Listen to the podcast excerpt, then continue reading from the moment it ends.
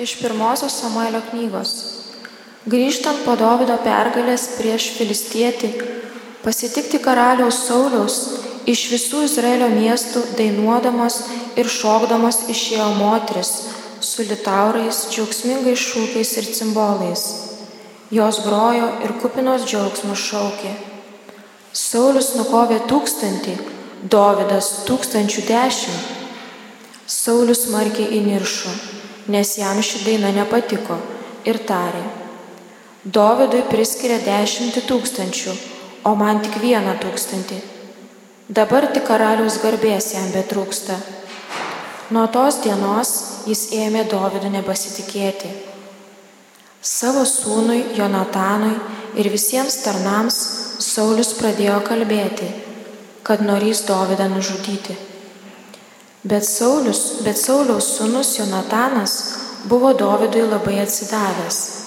Slapta jis pranešė jam, mano tėvas Saulius sumanė tave nužudyti, todėl ryt iš ryto būdėk ir būk pasislėpęs. O aš išeisiu su tėvu į lauką ir ten, kur tu būsi pasislėpęs, aš sustosiu ir su tėvu apie tave pakalbėsiu. Pamatęs, kokie reikalai, tau pranešiu. Tada Jonatanas, gerai apie Dovydą atsiliepęs tėvui, prabilo. Tegul karalius nenusideda savo tarnui Dovydui, nes jis tau nieko nenusižengė. Jo žygdarbis buvo labai tau naudingas. Jis statė pavojant savo gyvybę ir užmušė filistietį. Per Dovydą viešpats visam Izraeliui suteikė didelę pergalę. Tu pats tai matei ir tuo džiaugiaisi. Kodėl tada dabar nori nusidėti, pralieti nekaltą kraują, be jokio pagrindo žudyti Dovydą? Saulis paklausė Jonatano kalbos ir prisiekė, kaip gyvas viešpats, Dovydas nebus nužudytas. Tada pasišaukęs Dovydą, Jonatanas jam pranešė visą pokalbį. Po to jis nuvedė Dovydą pas Saulių ir Dovydas vėl kaip pirma tarnavo Sauliui. Tai Dievo žodis.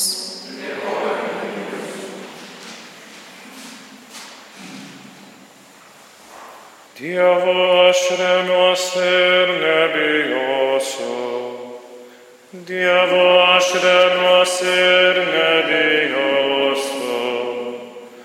Pasigailėk manęs žmonės sutrypt mane nori vargina vis puldinėje.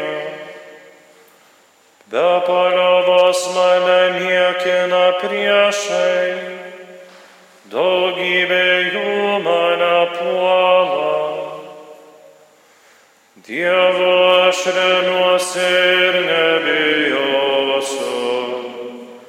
Tau žinomas visas trimties mano kelias. Odmaišys surinktas mano ašaras saugai. Argi knygose tavo jos nesurašytos? Todėl mano priešai tuoj atgal trauksis, kai tik tave šauksiuos. Dievo aš remiuosi ir nebijau. aiškiai žinau aš, mane Dievas užstoja. Dievo, kurio žodžiais didžiuojuos, viešpačiu, kurio žodžiais geriuosi. Dievo aš remiuosi ir nebijosiu. Tuo Dievu aš remiuosi ir nebijosiu, ką žmogus man galės padaryti. Aš turiu Dievą vykdyti įžadus tau padarytus, tau padėkos auką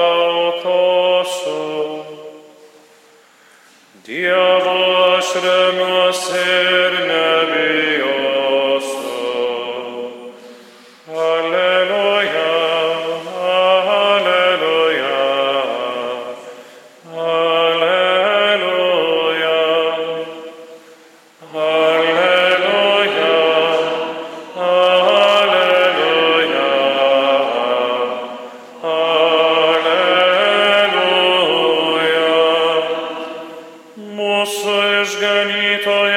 Jėzus Kristus sunaikino mirtį ir nušvietė gyvenimą savo Evangeliją. Alleluja.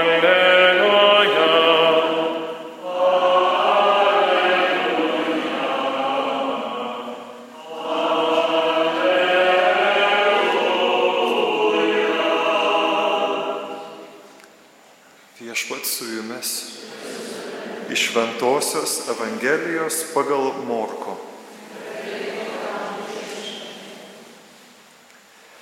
Jėzus su mokiniais vėl pasitraukė prie ežero.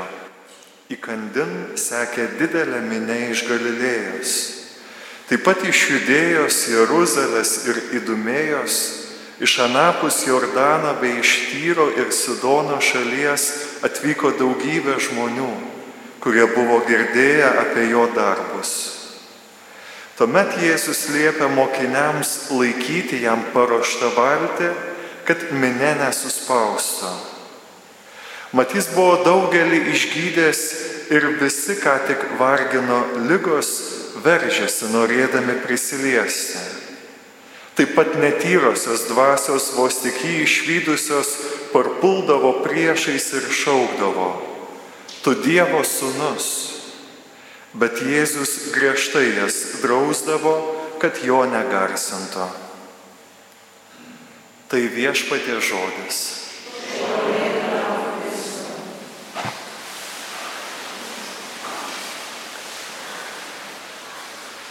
Maldas už krikščionių vienybę.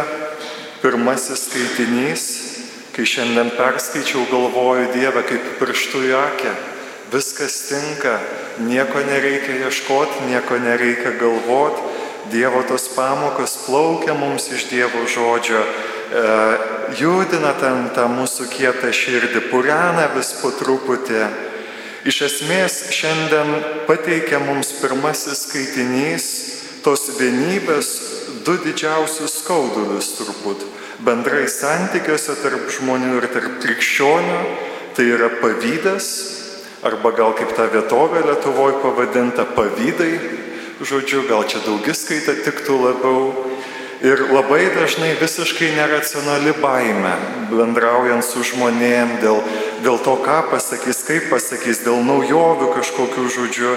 Tai mes niekada nepradedam dialogų su žmonėmis, kuriems pavydime, kurių baiminamės, mes dažniausiai nekalbam, bet puolame tokiuose santykiuose. Tai yra gynybinis mechanizmas. Kai jaučiu pavydą, erzelį kažkokią, kai jaučiu baiminosi dėl kažko santykė, puolu iš karto. Sauliui niekas negrėsia, bet jis paranoiškai bijojo prarasti valdžią, būti nedėmesio centre, kažkur šoniuke. Jis juodai nemokėjo pasidžiaugti kito, šiuo atveju Dovido pasiekimais talentais.